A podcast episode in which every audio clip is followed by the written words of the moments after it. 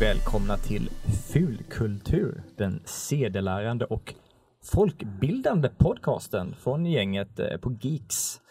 Det är här vi tar upp alla de eh, fulkulturella eh, nördigheterna som inte riktigt släpps in i det finkulturella rummet.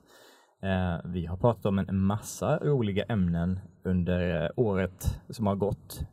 Och nu ska vi ta en liten annan spin på året. det. Ja, det korta lilla året. Eh, det är 2018 nu, jag är inte riktigt med på det. Nej. Eh, jag som pratar nu heter Andreas Eklöf. Eh, den som hör, pratades innan var Amanda Evertlid, Hallå. en gammal bekant. Yes. Vi har även med oss Thomas Helenius Goddag, goddag. som har kommit ut från sin hörna. Ja, FZ-hörnan. inte den andra hörnan. Nej, nej. nej. Och vi har celebert eh, ny, nytt blod i podden. En liten premiär. Du, Ja, du, du. poddpremiär. Jajamensan. Det är så Anton brukar introduceras var han än går. Ja, ja, ja. Med en lite fanfar. fanfar. En liten fanfar. Någon mantel som släpar. Det. Svärd som klingar. Det. Ja, ja. Som sig bör. Mm. Anton är ju vår nya utvecklare. Ja. Och en eh, nörd av eh, diger rang.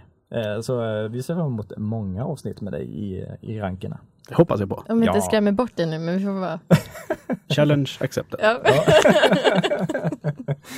Eh, ja, idag ska vi prata om någonting eh, som verkligen berör det, det nördiga i det fulkulturella. Men innan dess så tänkte jag att jag skulle stämma av med vad ni har gjort för någonting fulkulturellt sen eh, vi var med senast. Och du får dispens, du får bara, Anton du får bara säga någonting som du har hållit på med på senaste. Jag kan summera mitt liv på de här 30 sekunderna. Ja.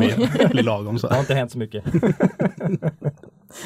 Eh, vi ska börja med det Amanda kanske? ja, men jag är jättestressad. Jag har, så, jag har så mycket att se på. Det har kommit så mycket nya säsonger eh, på Netflix och överallt, så att jag vet liksom inte vilken ände jag ska börja.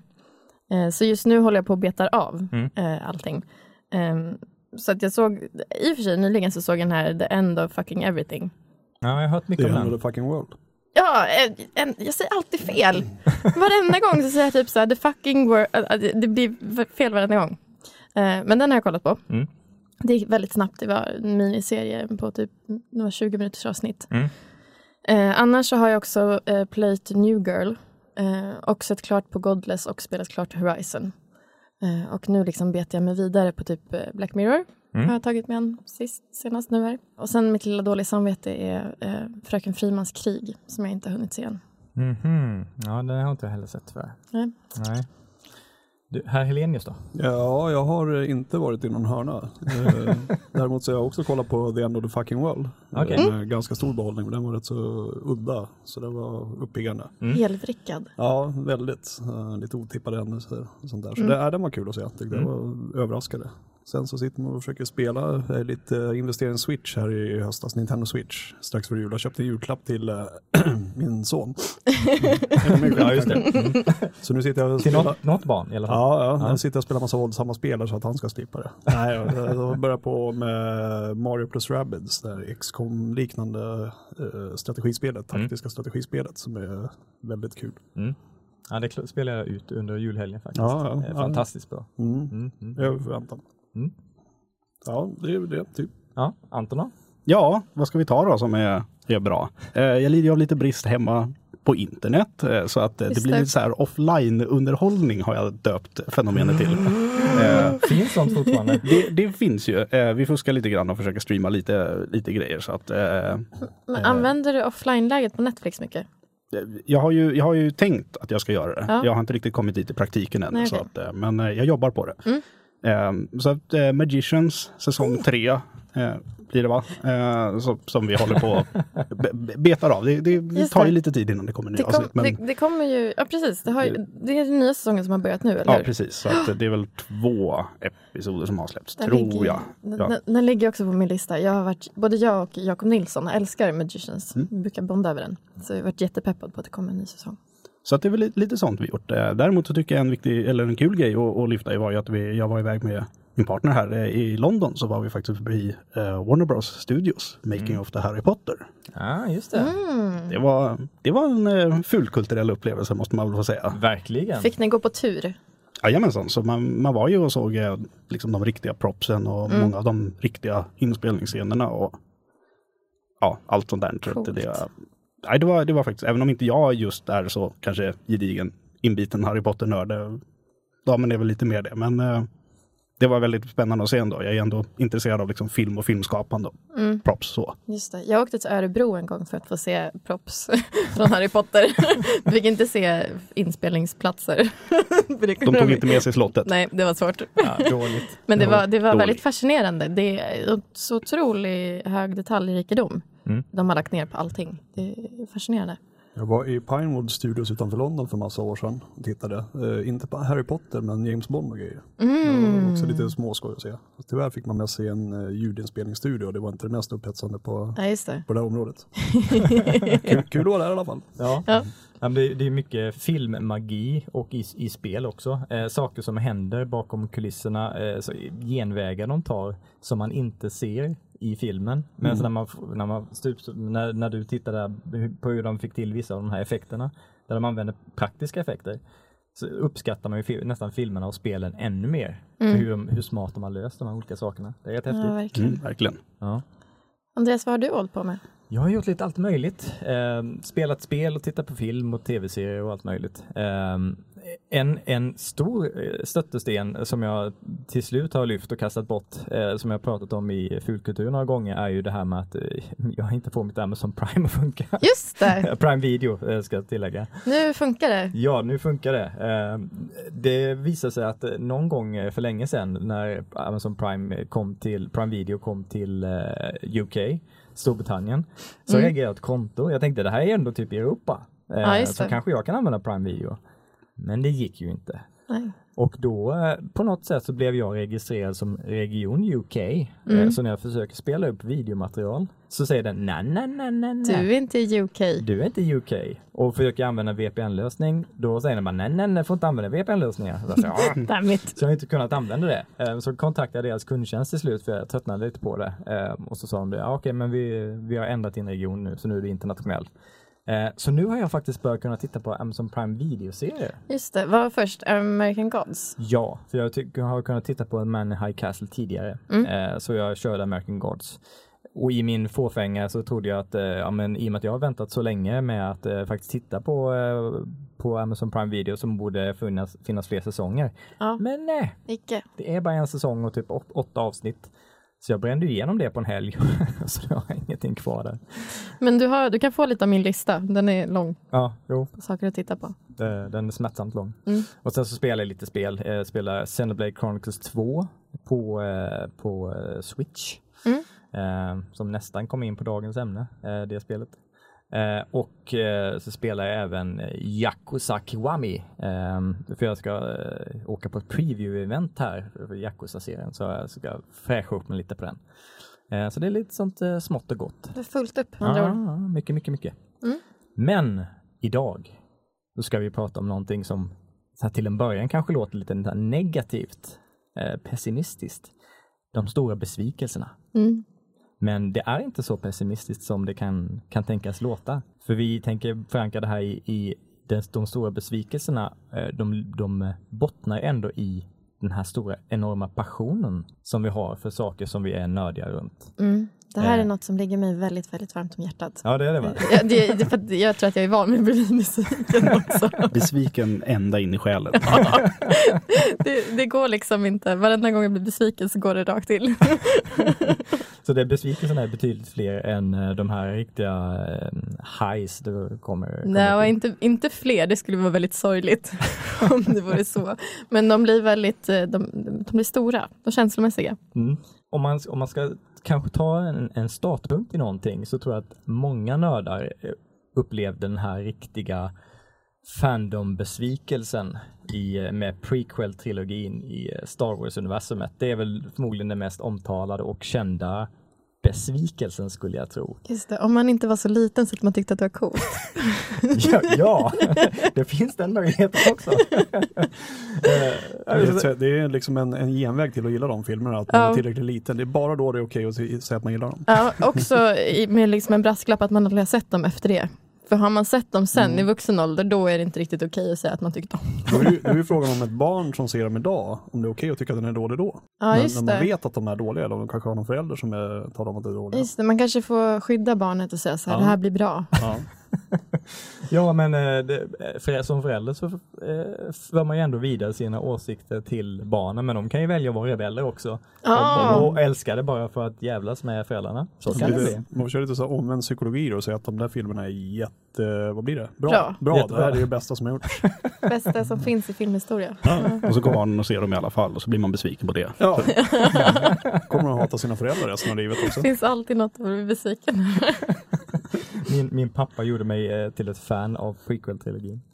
Vad hemskt. Men om vi skulle ta bara några exempel på era största eh, så här, fandom-besvikelse i era fulkulturella liv. Vad, vad skulle det kunna vara? Alltså jag har ju två. Alltså mina besvikelser bottnar ju alltid i, precis som du sa, så här, ett stort engagemang och en passion. Mm. Så oftast är det någonting jag älskar som sen blir dåligt eller som slutar abrupt. Mm. Eh, och jag råkar ju alltid ut för typ tv-serier som läggs ner. Och så slutar säsongen innan liksom, de lades ner i en cliffhanger. Mm. Och så får jag aldrig någonsin veta hur det slutar. Så jag har både eh, Karneval eh, och också Dark Angel. James Camerons sci- sci-fi serie. Som väldigt, som förvånansvärt få verkar känna till. Ja, jag känner till det, men jag tittade aldrig på dem. Jag, jag stannade uppe liksom halv ett på natten och spelade in på VHS för att kunna ha dem. Så, så jag äl- älskade verkligen Dark Angel och Mm. den slutade abrupt. Den fick ingen säsong tre. Nej. Eh, så jag köpte böckerna sen. Men det är fortfarande inte lika bra som serien. Det här problemet gäller ju för uh, vet du, Riket, Lars von Triers helt fantastiska serie från 90-talet Mm. som också Just bara det. blev två säsonger. Så gick ju minst två av huvudrollsinnehavarna och dog. Så att det blev ingen tredjedel. Nej! Så den är också oavslutad och det är, det är ett av mitt livs största besvikelser. Även om det kanske inte är en besvikelse som, som vi är ute efter här egentligen, att man är besviken på hur någonting faktiskt är. Utan här handlar det besvikelse mer om att den inte är, det, det, blev, ingen, det blev inte en tredje chans liksom. Nej. Det är Nej. ingen avslut. Nej, när naturen kom in eh, så kan man ju inte riktigt... Eh, man man kan inte vara besviken på att naturen fungerar som naturen fungerar. Nej, det är lite mycket begärt att kräva att eh, Ernst-Hugo Järegård skulle ha levt vidare när han dog. Det är ju, visst. Återvänt från graven för en tredje säsong Ja, åtminstone. Ja, det är det minsta den kan göra. Ja, jag tycker faktiskt det. Eh, har du några andra stora besvikelser som du kommer ihåg? Ja, eh, en av mina absoluta favoritgrupper inom musik är The Studios med Mm. Pop. Och de hade något av den perfekta skivkarriären. De gjorde tre skivor mellan 60 och 70-talet. Och det var väl, det var bara en som dog i det bandet tror jag, trots att det var ganska omfattande drogmissbruk och allt sånt där. Eh, Så de gjorde tre fantastiska skivor, den sista 1973. Och sen så gjorde vi Iggy solokarriär och de splittrades och sånt där. Och så återförenades de någonstans i början på 2000-talet. Och 2007 gjorde de en skiva som Mm. sög. Åh, Alltså alldeles kopiöst. Så att då är ju liksom hela den perfekta skivkarriären är ju om intet. Mm. Nedsmutsad och Ja, dåligt. Ja, fruktansvärt. Och det var, i, det var inte så att man hade någon förhoppning på att det skulle funka liksom, om man spelar rebellisk musik utan styr och utan styrning liksom 35 år senare. Men ändå, alltså, det är fruktansvärt. Alltså, den är hemsk den här skivan. Det har ingenting liksom, med den där deras, deras eh, ursprung att göra. Är det Så typ det värsta du har hört? Nej, det är det långt ifrån. Nej, men ja. man jämför med vad de gjorde förut så är det ju helt ojämförligt uselt. Ja, Och då är det ändå liksom, visst, det går ju att lyssna på det, men det är inte bra. nej. Det är som att lyssna på någon sån här, jag vet inte vad, Blink 182 liksom, och kalla det stort. Alltså, det är vidrigt. en extrem Ja. kan man kalla det. Ja, Ja, alltså, men det är ju hemskt alltså. Det gräva ner hela sin karriär liksom, på det där, det är sitt rykte. Det är ju hemskt. Det är, det är trauma. det sitter i fortfarande. Ja, lite grann. Nu har de ju haft den goda seden att dö de flesta av dem, bara säga. Men det kanske vore lite elakt att säga. Nej, det ska jag inte säga. Det verkar som att dina besvikelser liksom är kopplade till mycket död. Ja, fast det, det, först var det ju att de dog faktiskt. Det här är ju att de inte dog. Ja just det, men, Det men det var någon i gruppen som dog. Ja, det är ju fler som har dött. Ja men alltså typ bara- innan de gjorde den nya skivan. Ja, en bara, Ja. Så karriären dog innan de dog. Kan man säga. Ja. Ja. Ja. Du då Anton? Ja, mm, jag byter lite riktning, tar lite spel. Det där är väl jag lite mer etablerad. Jag är så fruktansvärt dålig på att se mycket filmer och serier. Mm. Ehm, Så jag hoppar väl in på, på Broken Sword.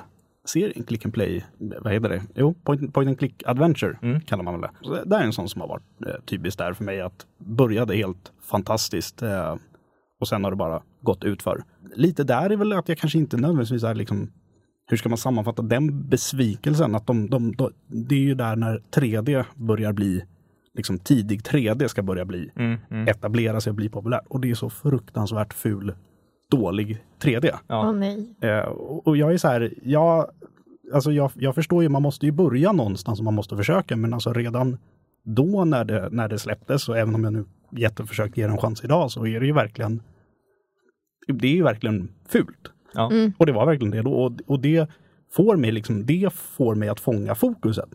För de tidigare har ju varit mer 2D traditionella animering. Eh, så, och jag tycker att man liksom skulle kört på det spåret tills 3D är liksom tillräckligt mogen för att vara en snygg presentationsgrej. För det blir bara ett störigt moment som gör att jag inte kan fokusera på storyn och liksom upplägget längre. Ja.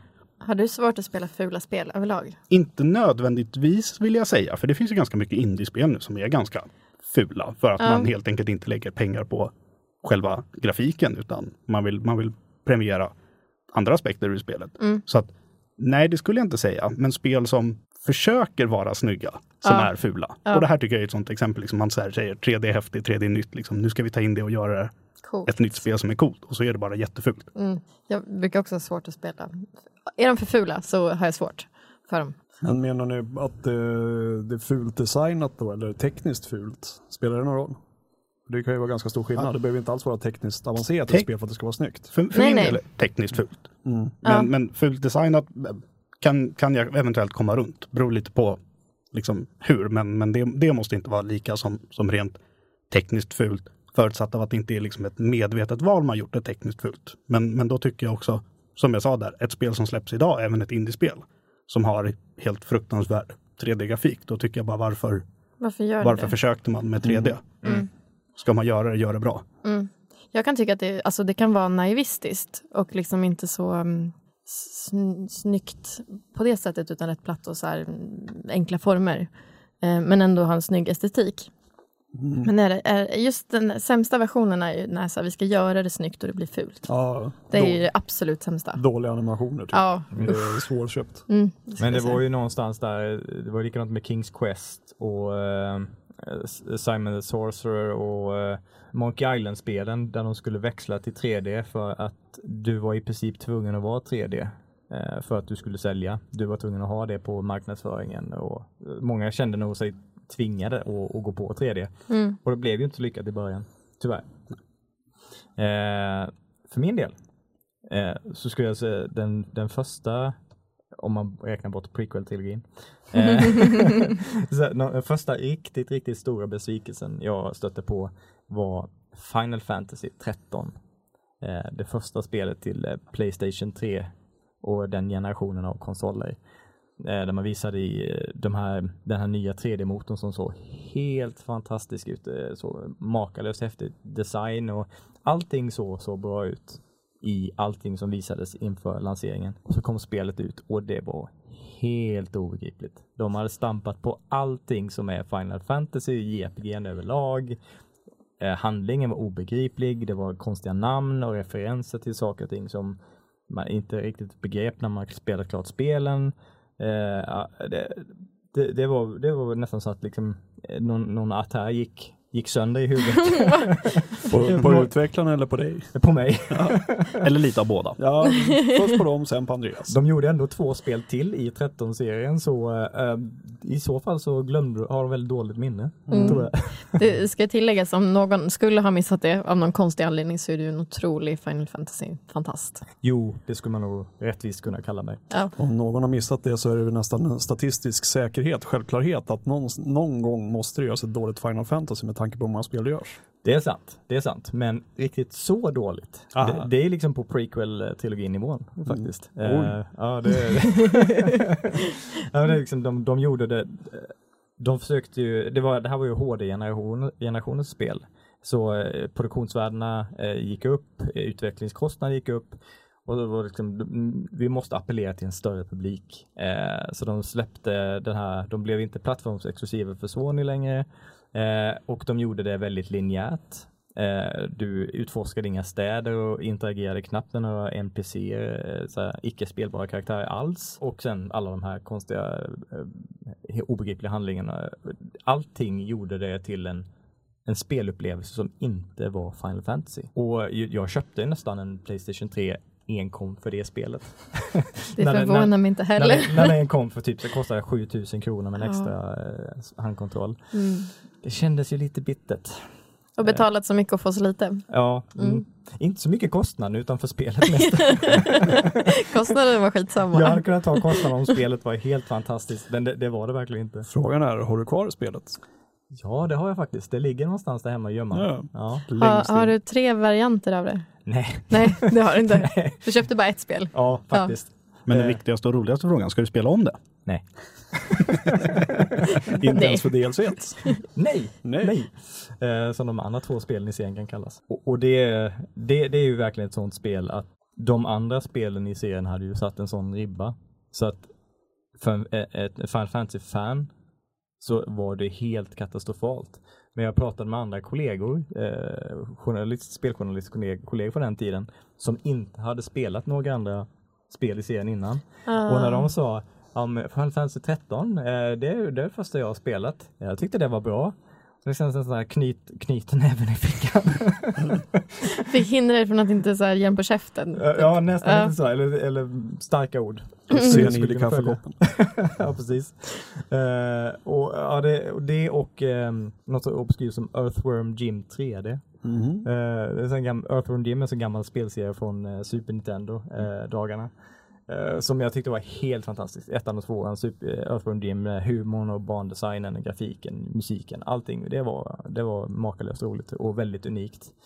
Och så skulle de göra en tre, ett 3D, ett 3D-spel till Igen. Nintendo 64 och PC och sådär. Och det var ju alla nivåer av katastrofdåligt. Eh, många gånger kan jag tycka att om jag spelar någonting eller tittar på en film eh, i en serie som jag tycker väldigt mycket om så är det lite så här förnekelsefas i början. ja, In, innan jag ja. faktiskt accepterar hur dåligt det här egentligen är. Men Earthworm Jim 3D, det var det verkligen från första 20 minuter. Så här, det här är så jävla dåligt. Jag kan inte spela mer. Och Du orkar inte hålla ut liksom tills den där uselheten på tvn hade bränt av synapserna så du inte känner någonting längre. Nej. Precis, när hjärnan bara gett upp fullständigt.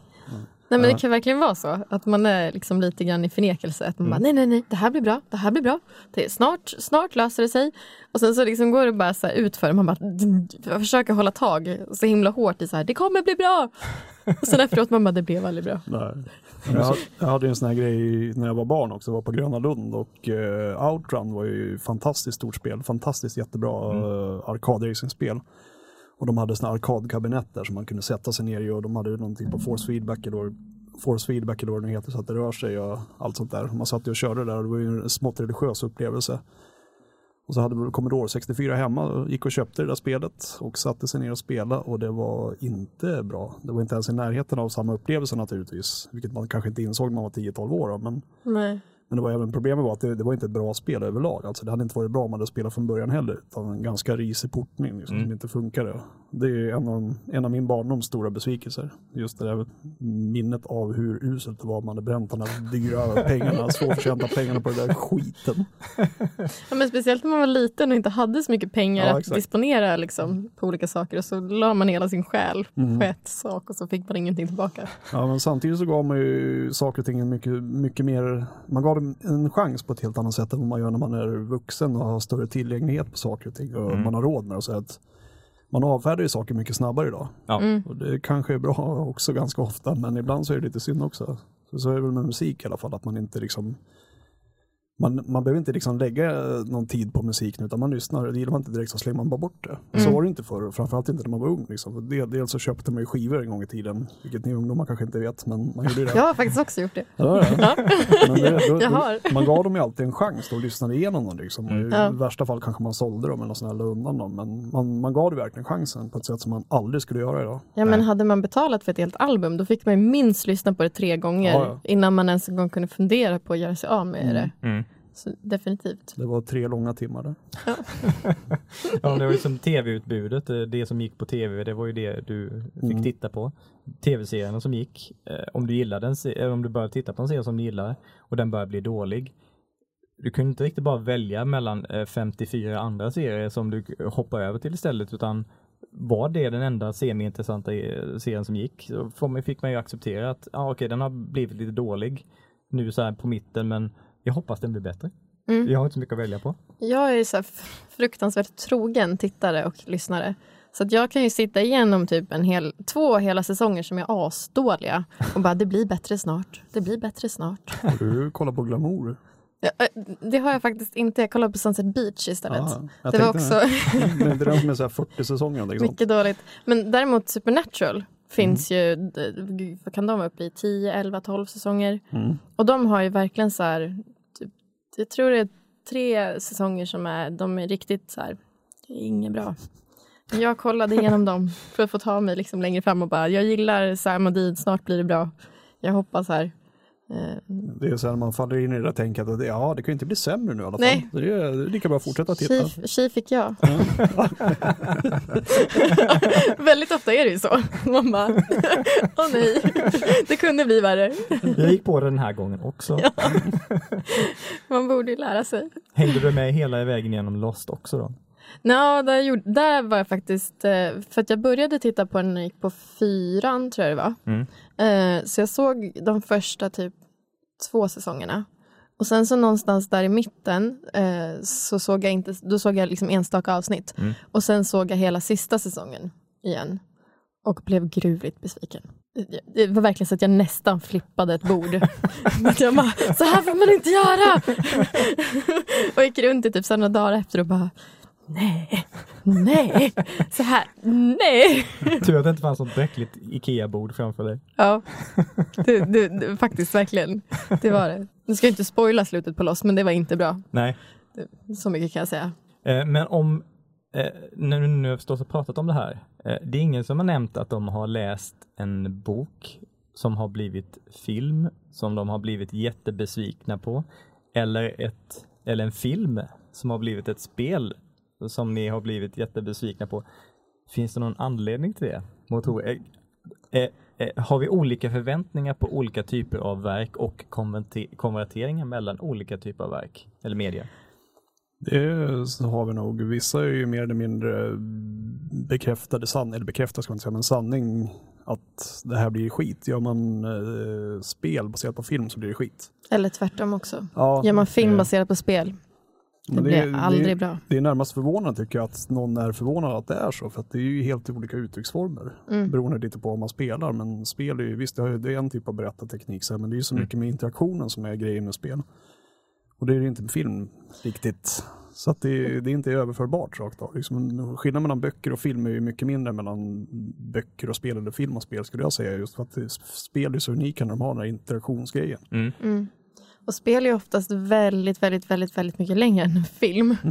Så att, att försöka korta ner en sån historia och fånga hela essensen är ju liksom banan, bananas. Ja, fast det är ju lite samma grej med film och eh, böcker också. Mm. Böcker är mycket mer omfattande så att filmer, det, det är väl därför boken är alltid bättre än filmen, vad brukar man säga? Och det är väl kanske för att man får med så mycket tankar och bakgrund och sånt där som, du får ju med mycket mer innehåll i en bok än i en film. Mm. Så skulle väl bok och tv-serier vara snarare vara någonting som är mer i balans med varandra. Mm. Jag har bara ett enda, jag kan bara komma på en enda gång där jag tycker att filmen nästan är bättre än boken. Eh, och det är första Hunger Games-filmen. För där kan de, i boken så är det ju från ett jag-perspektiv, så man vet ju bara det som Katniss vet. Eh, men i filmen så får man även ett, ett liksom extra lager där man ser typ hur personerna i andra distrikt reagerar. Eh, och det blir ett liksom mervärde. Eh, Men annars så är ju alltid boken bättre än filmen. Jag tror aldrig jag har stött på någon annan. Ja, jag tycker att eh, Låt den rätte komma in var så också. För att det var inte speciellt förtjust i den boken, den blev lite för mycket med, jag vet inte om ni har, lätt, om ni har läst den boken. Och, Nej, jag har inte läst den. Nej. Har ni sett filmen då? Både, både den amerikanska och den svenska. Ja, bara den svenska tänker jag. Bara. Mm, Ja, men eh, den svenska var den som är, eh, vet han Per Agner, han som är skurken, jag kommer inte ihåg vad han heter eller någonting nu, det är rätt länge sedan jag såg den, men Mm. eh, han var för mycket i boken tyckte jag. Ja, det okej, drogs alldeles för långt, det blev liksom äckligt jobbigt. Så han är ju rätt grotesk. Ja, och det var Det- extremt äckligt i boken liksom, och det Mm. kändes inte som att det behövdes. Så. Sen har vi till saken att filmen är ju väldigt, väldigt skickligt gjord också. Liksom. Den är ju Ja. snygg så det räcker. Jag är tvärtom. Jag har, alltså, jag har inte läst hela boken, men jag har läst väldigt mycket om boken. Ehm, och eh, när jag jobbade på Galago så de sitter ihop med Ordfront och Ordfront är de som ger ut John Ajvides Mm. Lindqvists böcker. Eh, så att jag liksom är väl insatt i, i boken. Men jag var så fruktansvärt irriterad på ungen. Mm. i filmatiseringen. Speciellt i badscenen. Killarna. Man så här spottar ut vattnet. Mm. Alltså jag fick, det, det kröp i hela kroppen på mig. Jag blev så sur. Och tänkte nej, dåligt gjort. Ja, ja, jag skulle säga att det förlåts ju av slutscenen i den här bad, badgrejen alltså. Den Ja. är ju magiskt snygg alltså. Mm. Gud vad snygg den är. Ja, ja. Men jag skulle nästan säga att Sagan om ringen-filmerna är väl också exempel på väldigt populära eh, verk som har en stor fandom-skara som, eh, som uppskattar dem. Som ändå blev väl uppskattade som filmer. Mm. Dels av eh, nya fans som aldrig har läst böckerna. Mm. Men även eh, fans av böckerna eh, som har betydligt fler åsikter om, om filmerna men som ändå gillade dem. Mm. Skulle jag säga. Eh, Jag, jag tror inte det var ingen eh, massprotest mot Nej. filmerna från, från fanskaran. Nej, de är väl snarare att de har tagit emot väldigt, väldigt väl. Ja. Det var väl snarare när Bilbo-filmatiseringarna kom som det gick ut för. Kan man ju prata om Ja. besvikelse. Ja, det, det besvikelse men samtidigt för, för min egen del kände jag att eftersom Sagan om ringen-filmerna blev så bra Mm. när Bilbo-böckerna blev en besvikelse så kändes det inte lika jobbigt för att Sagan om ringen-filmerna hade blivit så bra. Alltså det vägde upp lite. Ja, faktiskt. Ja. För jag, när jag var liten, jag läste Sagan om ringen före jag läste Bilbo. Och eh, Bil- Bilbo, var- det är ju en barnbok så att den kändes ju inte lika, inte lika intressant och häftig som Nej. Sagan om ringen. Så jag hade ju blivit gruvligt besviken om Sagan om ringen-filmerna var dåliga. Eh, När Bilbo-böckerna var dåliga, jag blev besviken men det var inte så att jag blev våldsamt förbannad av det Nej. direkt. Eh, Bl- Blir ni ofta våldsamt förbannade när ni blir besvikna på populärkultur? Ja, Final Fantasy 13 i alla fall. Jag Du skulle behövt ett litet bord. Jag hade behövt många bord. Nej, jag, jag får väl säga ur, ur mitt perspektiv att jag är nog ganska skonad från eh, många besvikelser i, i det stora hela ändå. Men eh, jag tror att det hänger mycket med också att de gånger som jag blivit riktigt, riktigt besviken är ju faktiskt kring andra människors hype kring Ah. en, en film eller en serie. Mm. Att det varit så här, ja men varenda en jag pratat med så har det varit så här, ja men det här är världens bästa film, bara, bara se den och liksom, bara sitt där och njut liksom. Så, Mm. så har du kommit längre i livet ungefär. och, och kvart in så sitter jag bara så här, det här går inte. Nej. Det här, det, här är, det här är jobbigt i kroppen. Åh, jag vill jättegärna höra ett exempel. Ja, ja, ja, ja, och det blir lite kontroversiellt, eller det är ganska många som pratar på det, men det är nästan för min del nästan alla Tarantino-filmer. Jaha. faktiskt. Eh, för att som sagt, och, och jag tror egentligen inte att jag nödvändigtvis kanske tycker att alla Tarantino-filmer är dåliga. Det är inte min smak. Det är Nej. mycket Nej. som går, det går lite för långsamt för mig i, i många filmer. Det blir liksom lite för mycket skapa en känsla som inte liksom jag får. Men mycket av det har ju kommit då av att de, de filmer som jag har sett har ju varit så här att innan jag skulle se filmen så har ju alla i min Ja. närvaro sagt att så här, det här är världens bästa film. Mm, typ Bara se den så att, så att livet blir bättre ungefär. Mm. Det, är liksom, det är en frälsning. Och, och så tittar man på den och så bara, Mm. fast det här är ju bara, det är ju bara jobbigt. Det har ju liksom inte hänt någonting på en halvtimme nu. De har, de har gått runt och pratat. Ett problem är väl att de kanske har en timmes prat för mycket i alla Tarantino-filmer. Det är väl hans signum liksom. De är ju tre, tre timmar långa liksom. Jag gillar ju de, de allra flesta Tarantino-filmer jättemycket och skulle säkert vara den personen som överhypar dem. Eh, men jag har också råkat ut för det där. Eh, Lost in translation. Det tog mig typ eh, ett, halv, ett halvår, ett år innan jag såg den. How Eh. dare you? Ja men jag vet. Och sen så fick jag också så här, jag blev dels utskälld av folk för att jag inte hade sett den. Och också så här, det är världens bästa film, du kommer bli så lycklig. Du, du, du kommer liksom, ja men det kommer förhöja ditt liv. Och så såg jag den och bara, den var ju bra men inte så bra. Eller så här, jag kunde verkligen inte förstå hypen. Eh, Och hade väldigt svårt att relatera. Så då blev jag ju, hade jag inte haft någon hype så hade jag tyckt att det var en bra film. Och nu var det snälla som att jag känner mig lurad. Ja, practical joke har man råkat ut för. Men blir det då att, eh, Anton, att du blir mer besviken på verket i sig eller på eh, att du slösar, slösat, eller att, att, att de har hypat upp ett verk som du inte tycker är så bra eller att du slösar tiden på ett verk som inte matchar vad de har hypat? Nej men alltså jag tror lite, lite båda delarna. Eh, också att jag många gånger där har känt, och som, som jag liksom nämnde, att det, jag kanske ändå hade klarat av den eller liksom gett den ett okej i slutändan. Mm. Men på grund av att alla sa att det var liksom en helt fantastisk film så sätter man ju ribban verkligen högt upp och, och så tittar man på det och verkligen känner så här, det här är det blir ett bottenskrap. För Ja. att man, man, man förväntade sig ju att det skulle vara guld och gröna skogar liksom. Ja. Mm. Så, att, så att då, då kan jag ju bli besviken ur, ur den aspekten att så här, ja, det här hade ju kanske kunnat, kunnat bli något, men nu sa ju alla att det skulle vara något helt fantastiskt och så är det verkligen bajs. Ja. Eller hur? Man blir liksom, men just att, att både ibland ens egna förväntningar på någonting, eh, men även an, vad man blir påpackad för förväntningar eh, kan verkligen förstöra ett verk. Också typ som så här själv, ja, men som du var inne på i- tidigare med Star Wars, eh, när jag ändå var, jag var ändå rätt peppad för The Last Jedi och blev inte alls glad när jag såg den, för att jag själv hade jobbat upp det. Liksom. Eh, så då var det som att jag lurade mig själv. Hade jag sett den utan någon som helst liksom, förväntan så hade jag kanske tyckt att den var bättre. Mm. Men eh, så- förväntningar på spel som blir film eller film som blir spel. Där skulle jag säga att eh, där har jag inga förväntningar.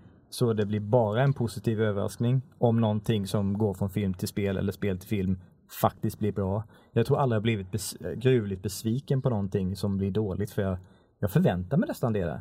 I, i den genren. Fast ibland kan man vara så här, okej jag vet att det här kommer bli dåligt. Men hur dåligt kommer det bli? Det kommer nog vara okej dåligt. Och så ser man den och bara, mm, det var bortom okej dåligt. Det var jätte, jätte, jättedåligt. Och så blir man lite besviken. Men Kan man bli besviken på om någonting inte är så dåligt som man förväntar sig då? Ja, ja det kan man. Jag var, det kan man faktiskt. Jag älskar ju filmen The Room, som är typ känd för att vara världens sämsta film. Mm. Ehm, och sen så i, i höstas så gick jag på en visning av en annan film som, eh, som de har gjort tillsammans. Som, den var dålig, men den var inte så dålig så att den blev bra, så att den var bara dålig. Mm. Och då var jag lite besviken faktiskt. Mm, jo. Eh, så så det, det kan de också hända. Ehm, men jag kommer ihåg typ Prince of Persia. Det var jag. jag var ändå lite så här, jag bara, det är Jake Gyllenhaal, han är bra. Hur farligt kan det bli? Och så blev du lurad igen. Så lurad. Det var, den hade typ inte heller någonting med handling, alltså den var verkligen så frånkopplad hela spelserien. Mm. Och, och att om man ska vara krass, Jake Gyllenhaal, prins från, nej, det, han jag hade inte riktigt rätt look heller. Ja, han kändes inte så persien va? Och det, nej, och Nej. det var liksom fake, fult fake hår. Alltså, jag vet inte om de hade stylat hans hår fult, men det var, det var så många saker som inte var som det skulle. så jag blev ändå besviken. Och jag är lite ro, orolig nu inför eh, nästa Tomb Raider-film. För att jag har ändå, för jag har jobbat upp dem, jag har förhoppningar. Ja, jo, när, när såg att, uh, att Vikander skulle, skulle spela Lara Croft tänkte jag ändå så att det här kan ju bli bra. Det Hon måste är, bli hon, bra. Hon är ju jättebra. Och sen så såg första trailern så bara, ah, kanske ser lite generiskt ut men ja, det kan nog ändå bli bra. Så bara den där känslan sjunka in att det kanske blir en dålig spelfilmatisering ändå. Ja. Det kanske blir det. Jag måste köpa ett nytt bord. In case of. Okej, så. Eh, Men sen är det också beroende på lite på hur luttrad man är, Mm. eh, skulle jag säga. För när jag, när jag såg Final Fantasy The Spirit Within, den här 3D Hollywood eh, animerade filmen, Mm. som kom 2000, kan det ha varit 2001 någon gång? Eh, Ja. Tidigt i alla fall. Eh, och då var jag så pass ung så jag hade inte hunnit bli luttrad av eh, filmatiseringar av spel än. Nej. Så jag hade ändå förväntningarna på att den skulle bli, eh, att det skulle bli en Final Fantasy i filmform. Och den är så katastrofdålig. Den har väldigt lite med Final Fantasy att göra, den har inga av elementen som gör en vanlig Hollywoodfilm bra. Ehm, nej, alltså det finns inte mycket som, eh, som, som räddar den filmen överhuvudtaget. Du såg den filmen utan att vara den där sura, bittra, ved, sura veträtt du är idag. Men där, däremot så ska filmen ha heder av att det har hjälpt till att skapa dig till den sura, bittra vedhög du är idag. Ja, faktiskt. Tack Final Fantasy. det gjorde ni bra. Det blev mycket roligare så här.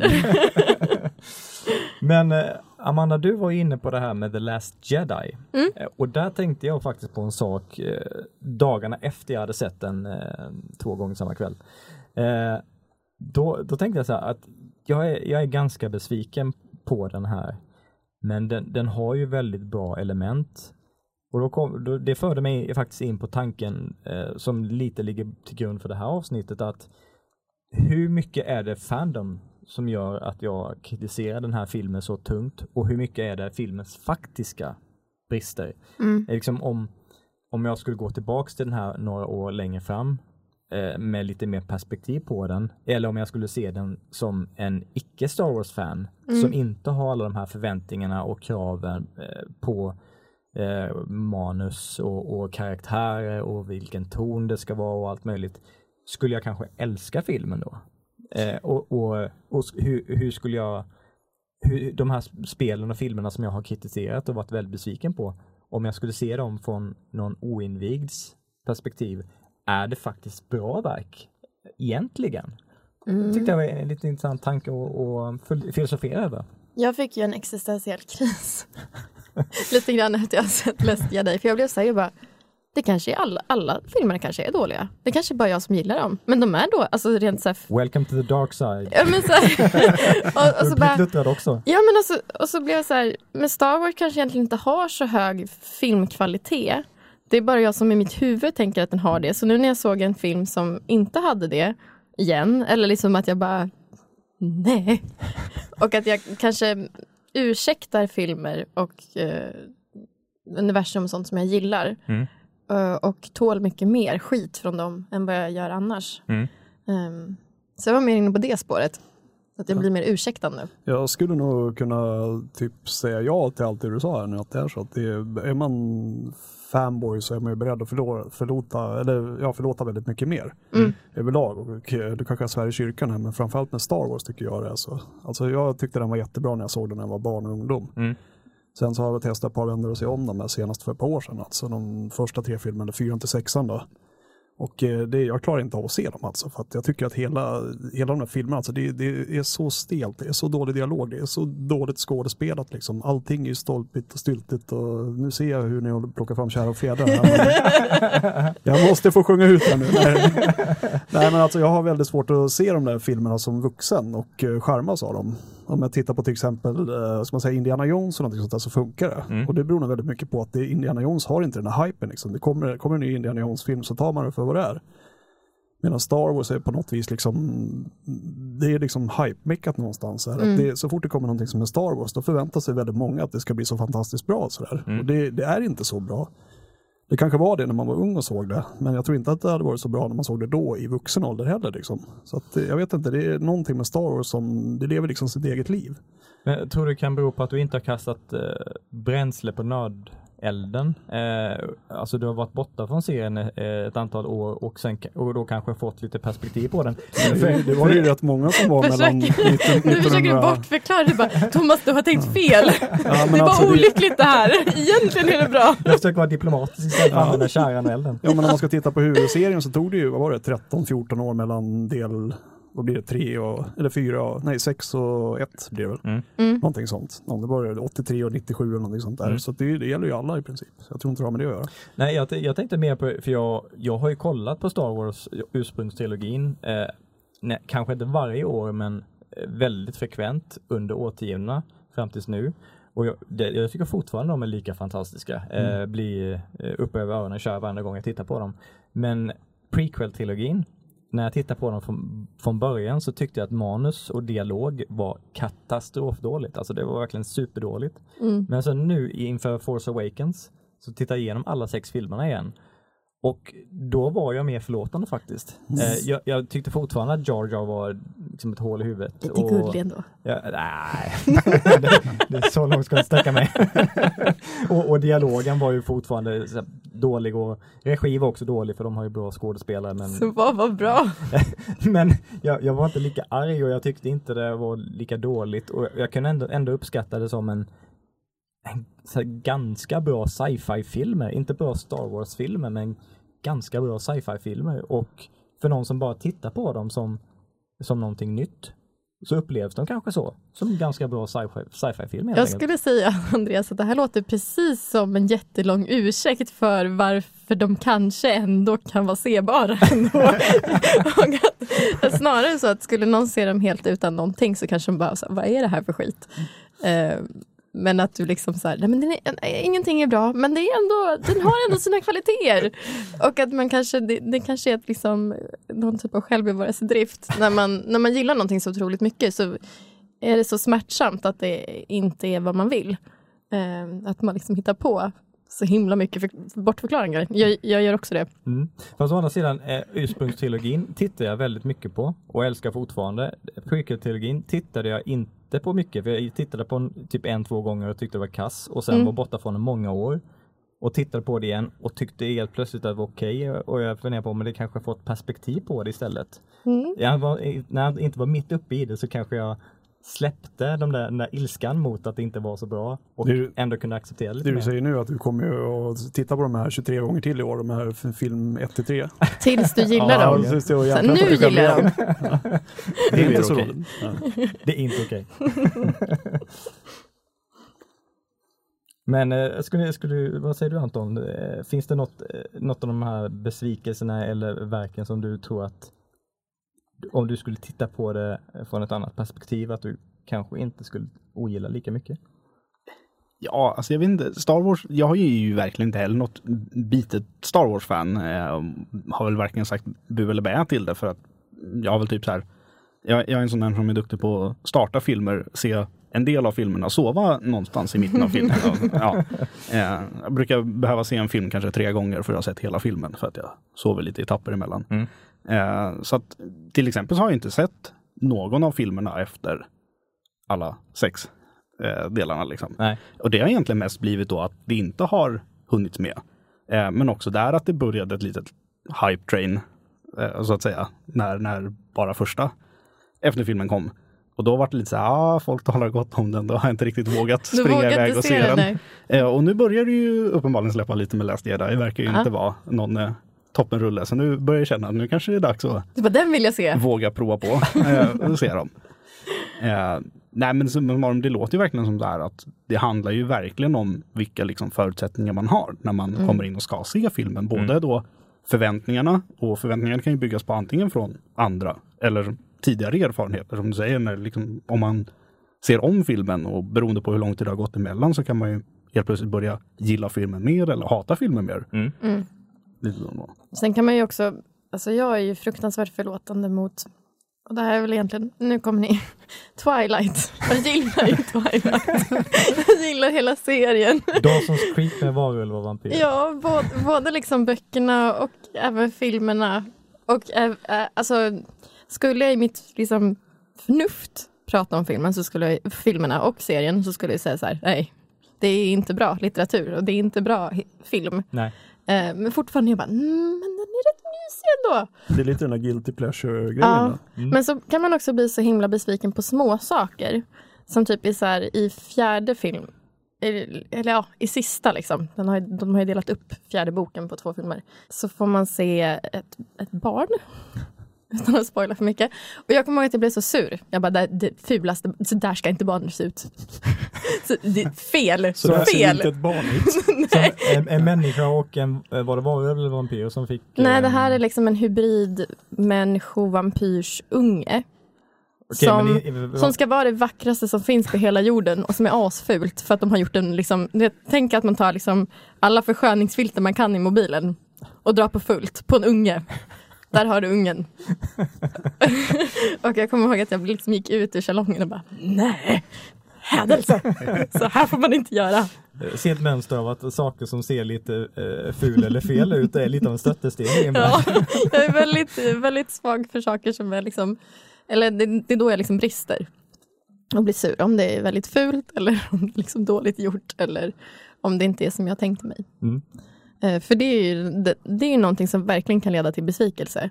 Om man har läst en bok, ser filmen och karaktärerna ser helt fel ut.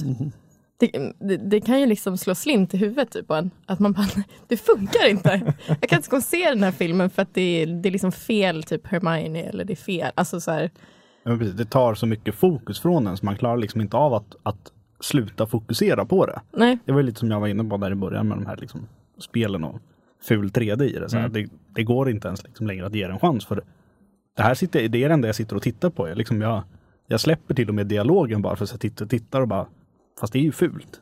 Nej. Så kan jag också ibland vara på riktigt dåliga peruker. Jag kan, jag kan inte släppa en dålig peruk. Besvikelsen. Ja, en ful peruk. På bebisar med fotofilter på sig. Värsta kombinationen. Så, så här kommande kostymdraman eh, där ser du fram emot med skräckblandad förtjusning för att det kan vara Hur, de klarar frisyrerna. Mm. Ja, mm. Och det är det är väldigt så här, man vet ju alltid om, om man vet att en karaktär ska ha liksom långt hår och sen ska det bli kort eller någonting sånt. och så vet man att skådespelarna aldrig någonsin haft långt hår, då vet man att det finns väldigt mycket potential för en väldigt dåligt bruk.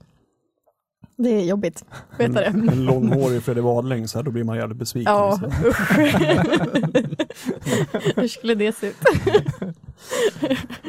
Ja, nej, nu har vi pratat en stund och vi har kommit till sluttampen av avsnittet där vi brukar tipsa om verk som vi vill rekommendera. Men i och med att det här avsnittet handlar om de stora besvikelserna eh, så tänkte jag att vi, vi får ju vända på det.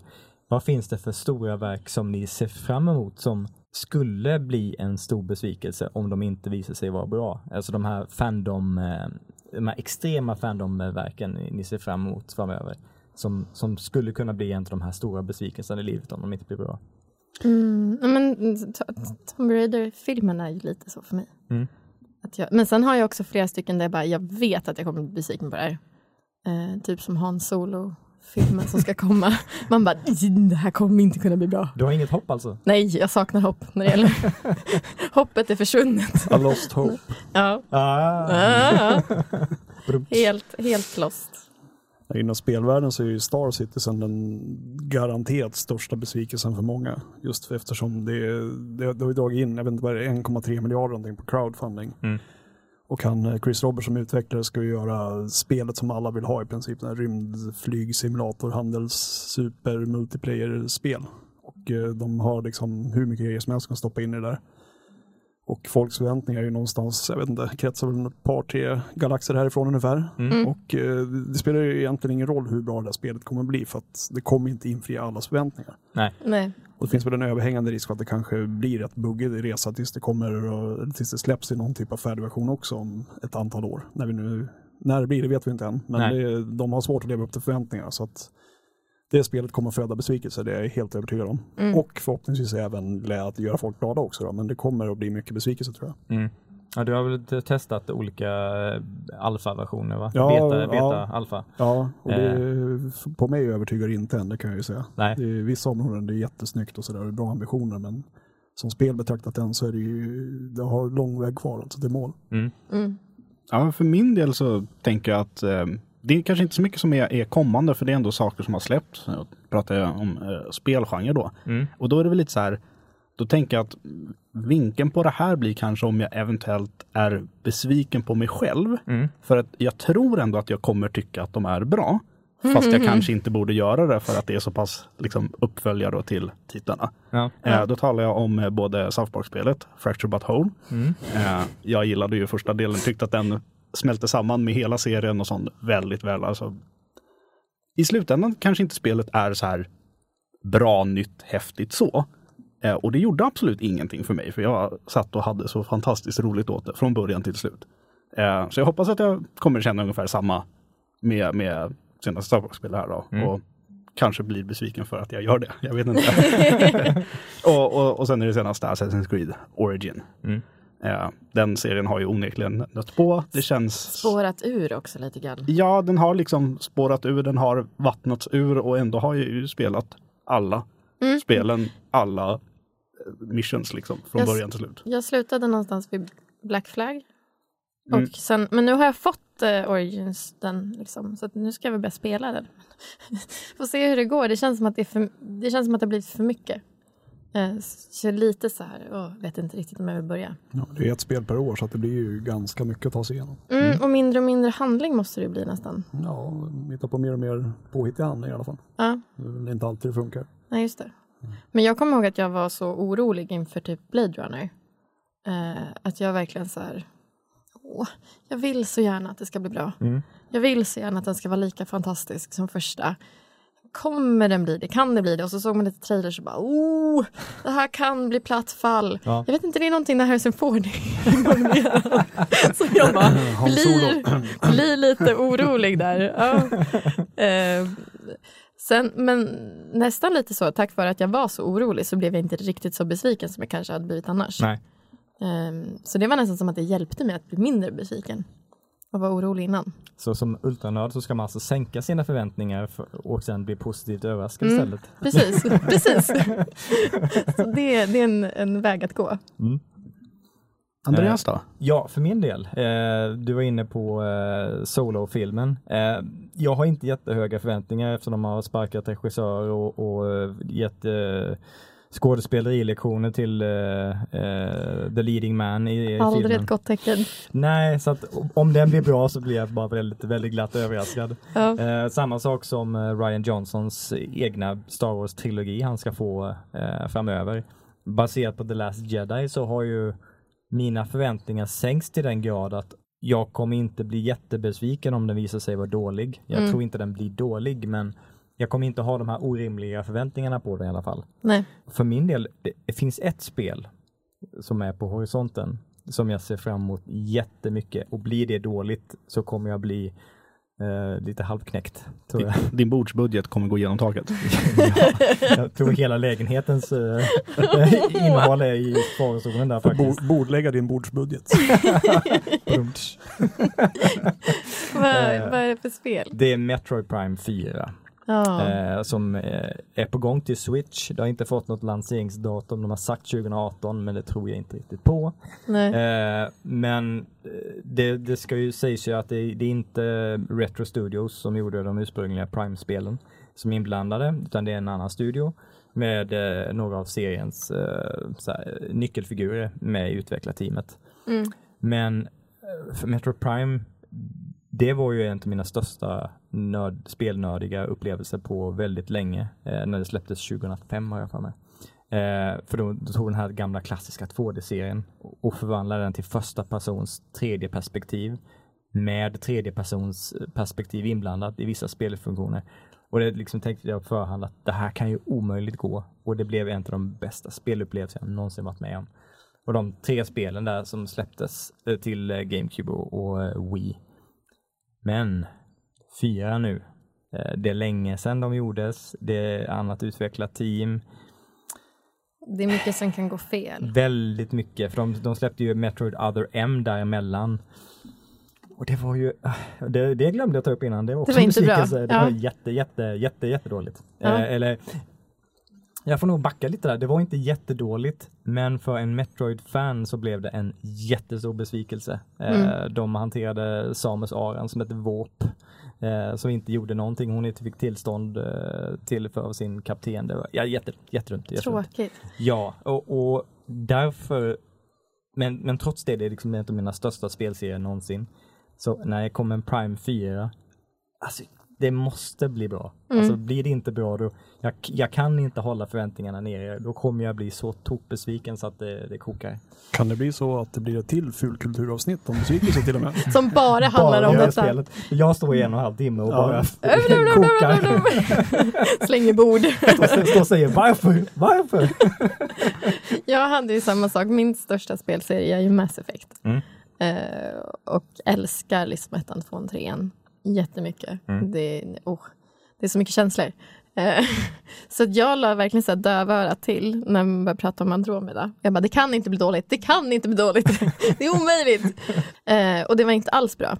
Eh, det var till och med så att nu har jag spelat några timmar in och jag, varenda gång jag tänker på att jag kanske ska liksom spela igenom det så bara Nej men vänta jag hade lite, kanske jag ska städa. Alltså jag hittar på alla konstiga ursäkter i världen för att det känns som världens tråkigaste hemläxa jag måste göra. Mm. Ehm, och jag är så ledsen både på mig själv och också på spelet över att jag inte klarar av att spela klart det för att det, jag älskar världen så himla mycket. Mm. Ehm, Men hur hade det funkat, apropå, det, det är ett fanboy-perspektiv man utgår ifrån, att man verkligen älskar någonting. Mm. Hur, hur hade det spelet funkat om det inte hade stått Mass Effect, utan bara hetat Nej. Andromeda? nej men då hade jag inte spelat det. Nej, men... Uh, Jag tror inte nej, det. okej, okej. Jag tror inte det. För det jag tänkte försöka komma fram till där, jag fick ingen respons riktigt. inte den du ville ha. Det, jag försöker komma fram till är väl att eh, man, man tar ju i så mycket mer när man kritiserar någonting som man har väldigt höga förväntningar på. Mm. Mm. Men om det hade varit från början utan en historik så hade det kanske funkat bättre ändå. Så Mm. Mass Effect Andromeda antar jag är ett ganska bra exempel. På. Jo men okej, jag hade kanske inte... jag hade ju väldigt höga förväntningar eh, när jag såg det, så då kunde jag ju falla längre. Liksom. Eh, Hade jag inte haft några förväntningar alls så hade jag kanske inte fallit lika långt. Jag kanske hade, jag kanske hade varit mer förlåtande Mm. eh, mot det. För att jag hade tyckt om det. Men, men nu blev det liksom tragiskt. tragiskt blev det. Men eh, ty- tycker ni att ni blir bättre på att vara förlåtande mot era f- fandom-objekt med åldern? Eller är ni precis lika galet besvikna? När det kommer någonting som inte är så bra som ni hade hoppats på? Jag tror att jag blir mer och mer luttrad eller mer och mer cynisk. Så att Mm. jag, inte, jag, jag har inte sådär tokhöga förväntningar. Det är, vissa grejer går man igång på det, men inte lika mycket som förr. Nej. Jag, säga. Så att, eh, jag räddas av det ganska mycket.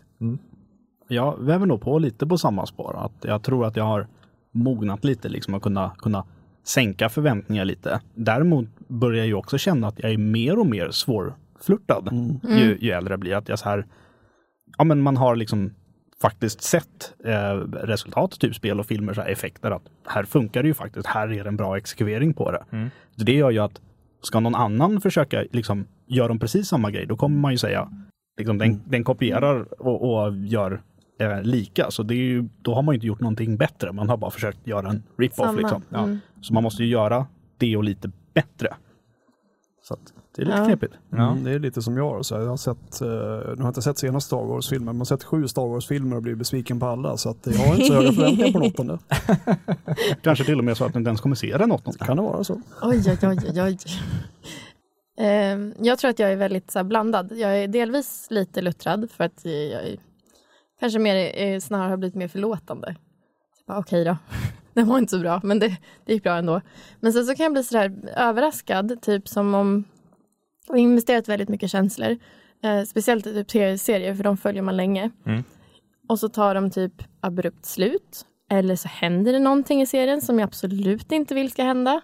Då kan jag på riktigt gå ut, alltså mitt, värst, mitt värsta eh, det var när jag såg eh, senaste säsongen av Orange is new black. Nej, sen, den innan den senaste. Ehm, och det är en person som jag tycker jättemycket om som det hände någonting med henne som jag inte alls ville skulle hända. Och jag gick på riktigt och det kändes, alltså det var sorg i mitt hjärta i typ tre dagar konstant. Jag kunde liksom inte, jag tänkte inte på något annat. Det var, jag, det var så mycket känslor att jag kunde liksom knappt hantera vad som hade hänt. Mm. Ehm, så det, ibland, det är väldigt mycket av och på. Ibland så går det liksom bara, Var det, var det en större besvikelse i Orange is the new black än när eh, Pornstash skrevs ut? Det tycker jag var svåröverkomligt. jag skulle säga att det var liksom nästan, inte den största sorgen i mitt liv, det skulle vara tragiskt om det var det. Men, men det, var, det var en stor, stor Det var på den nivån alltså. Mm. Mm. Mendes. Det, det, ja. sen, sen är det också så här, just serier som läggs ner. Jag råkar ut för dem alltid konsekvent. Jag har typ absolut, mina absoluta favoritserier, alla har lagts ner. Mm. Ehm, och inte kunnat kolla vidare på dem. Det, ja. Därför har jag också börjat bli lite så här, jag litar inte riktigt på tv-serier. Nej. Så här, det blir som att jag bara, det är bättre med film för de har i alla fall ett slut. Mm. Eh, alla, alla som har gillat Firefly kan nog sympatisera med det här. Mm. Jag litar inte på filmbolag. Någonsin igen.